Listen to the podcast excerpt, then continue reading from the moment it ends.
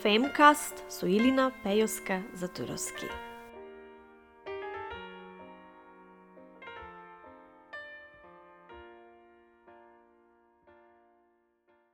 Во последниот период, актуелна е темата за предрасудите со кои се соочуваат жените во нашето општество. Но дали тие кои зборуваат за предрасудите кон жената се соочиле некогаш и самите со такви предрасуди за кои зборуваат? Дали истите тие некогаш помислиле дека пред нив некој веќе го изодел патот по кој тие сега газат и целосно заборавиле на тоа? Јас не верувам и затоа имам повеќе причини. Јас пораснав на село и како личност која половина од животот го поминала на село и во мал град, честопати сум се соочувала и за жал се уште до ден денес се соочувам со разни предрасуди, осуди и исмејувања. Многумина ги карактеризираат жените и девојчињата од малите и руралните средини како недоволно добри, недоволно информирани, недоволно образовани, недоволно паметни и изолирани и како марги... маргинализирани единки кои живеат во свет обкружен од мажи склони кон насилство. А потоа истите тие зборуваат дека не сакаат генерализирање. Иако има такви случаи, сепак не смееме да дозволиме сите да ги ставаме во ист кош. Јас сум тука да ви го променам мислењето за жените и девојките од малите места во државата. Предрасуда број 1. Жените од малите места се домаќинки кои седат дома, им ги мијат нозете на мажите, не работат и само кјутат, буквално.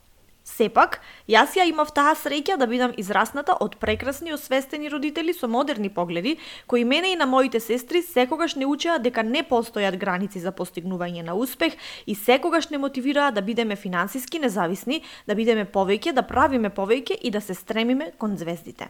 Со огромна мака и пот ни овозможија квалитетно високо образование на сите три, иако и сами беа соочени со многу финансиски препреки. Мајка ми е акушерка и работи во операционата сала на гинеколошкото одделение во Струга како инструментарка повеќе од 25 години. Една од најблагородните професии, а покрај тоа цел живот го помина и во Бавча, занимавајќи се со земјоделство заедно со татко ми. Ако некоја жена е дефиниција за предприемач и сайт хаслер, тоа е мајка ми. Татко ми е административен службеник, кој цели 15 години помина без работен стаж, откако предходно остана без работа во тешките времиња за Македонија. Иако мајка ми долго време ги носеше панталоните со пари во куќата, тој ниту еднаш не се почувствува помал од неа. Сега повторно е вработен и се уште се занимава со земјоделство како дополнителна дејност заедно со мајка ми. Во минатото, кога во наводници освестените луѓе, кои живеат во големите градови, ке слушнеа мал дел од оваа приказна, најчесто делот дека потекнувам од село, инстантно ме категоризираа како личност која вреди помалце од нив. Не е пријатно секогаш да треба да ја докажуваш собствената вредност и да се чувствуваш дека вредиш помалце само затоа што си жена или девојка која доаѓа од мало место. За жал, како што веќе спомнав и предходно, со овие предрасуди се соочувам понекогаш и денес. Предрасуда број 2. Ако стигнала до висока позиција и ако се уште напредува, тоа значи дека некој стои зад неа. Нема да користам вулгарности, но предпоставувам дека веќе знаете на што мислам. И, предрасуда број 3, една жена не смее да биде на висока позиција. Зошто? Само затоа што е жена.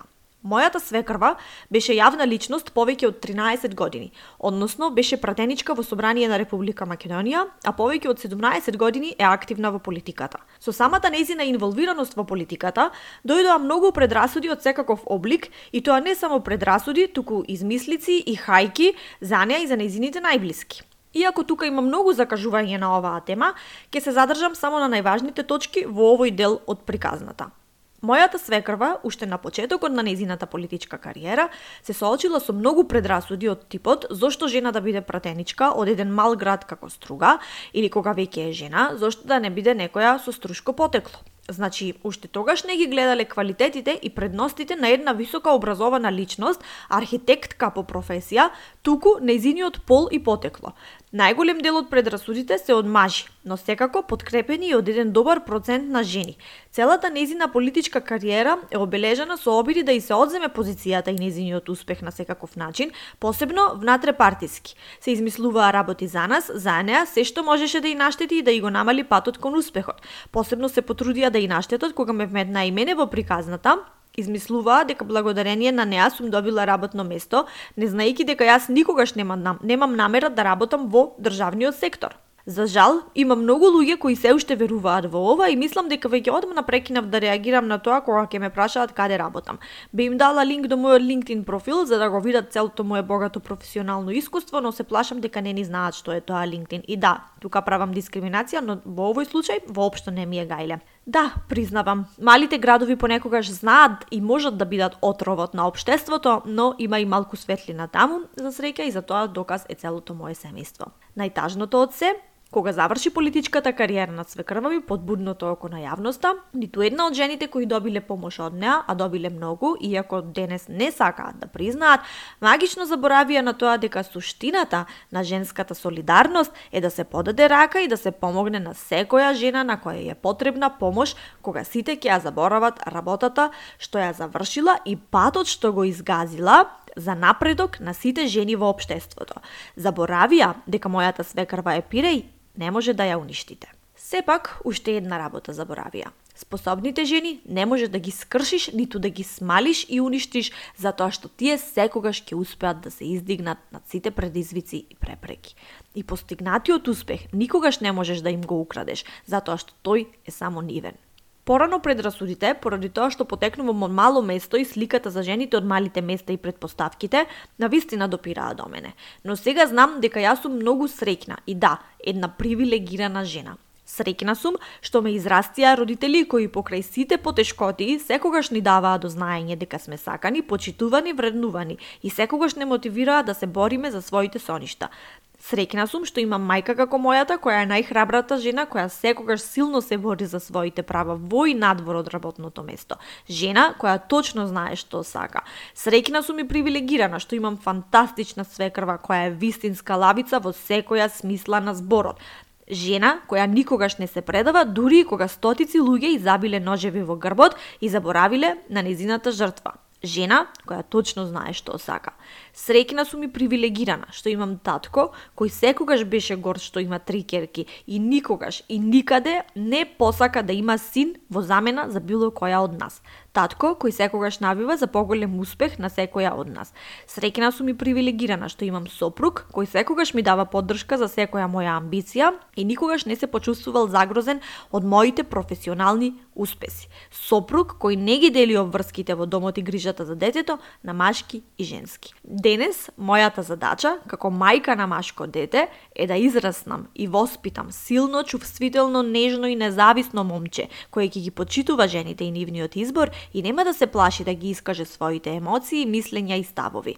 Порано, зборовите нежно и силно беа незамисливо да се најдат во иста реченица кога се опишува едно момче, но мислам дека е време да го смениме тоа. Сакате да зборуваме за предрасуди во општеството? Нема проблем. Најпрво, заборавете на гордоста и вродената привилегираност, дека сте повредни и попаметни од жените кои доаѓаат од малите места, дека по правило местата на високи позиции им припаѓаат на мажи или жени од големите градови.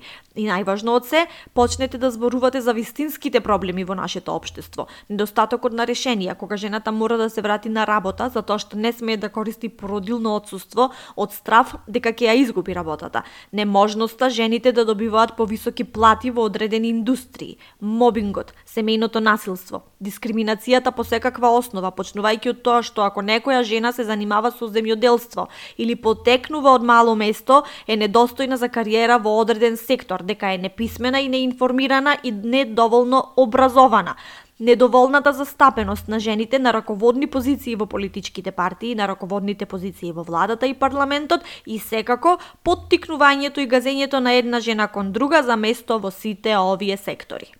Време е да престанеме да ги осудуваме жените кои сакаат или не сакаат да имаат деца, но и да престанеме да им наметнуваме мислења и лекции и на едните и на другите. Ако решиш да имаш дете, не е крај на светот и нема да ти се уништи животот и кариерата, како што тоа се представува од одредени организации во денешницата. Ако решиш да немаш дете, не е крај на светот и тоа е целосно твој избор. На крај, успехот е само ваш и никој не може да ви го одземе, без разлика колку толку и да имаат предрасуди кон вас. Вистинскиот проблем во нашето општество е неможноста на жената да напредува поради искомплексирани, често недоволно образовани мажи и жени со застарени сваќања. Тие се истите оние кои ги шират предрасудите за жените и ги убедуваат и воспитуваат другите жени да веруваат во нив. За да ги надминеме, мора да си подадеме рака една на друга и да не се плашиме од успехот на жената која е пред нас. Заедно сме посилни, заедно можеме повеќе. За горделивите, заборавете на гордоста и подајте и рака на секоја жена која има амбиција и пред се визија за подценетите. Секоја од нас може да биде се што ќе посака. Потребна ни е само храброст. Оваа епизода е достапна и во текстуална форма на мојот вебсайт. Линкот до истата е достапен во описот на епизодата.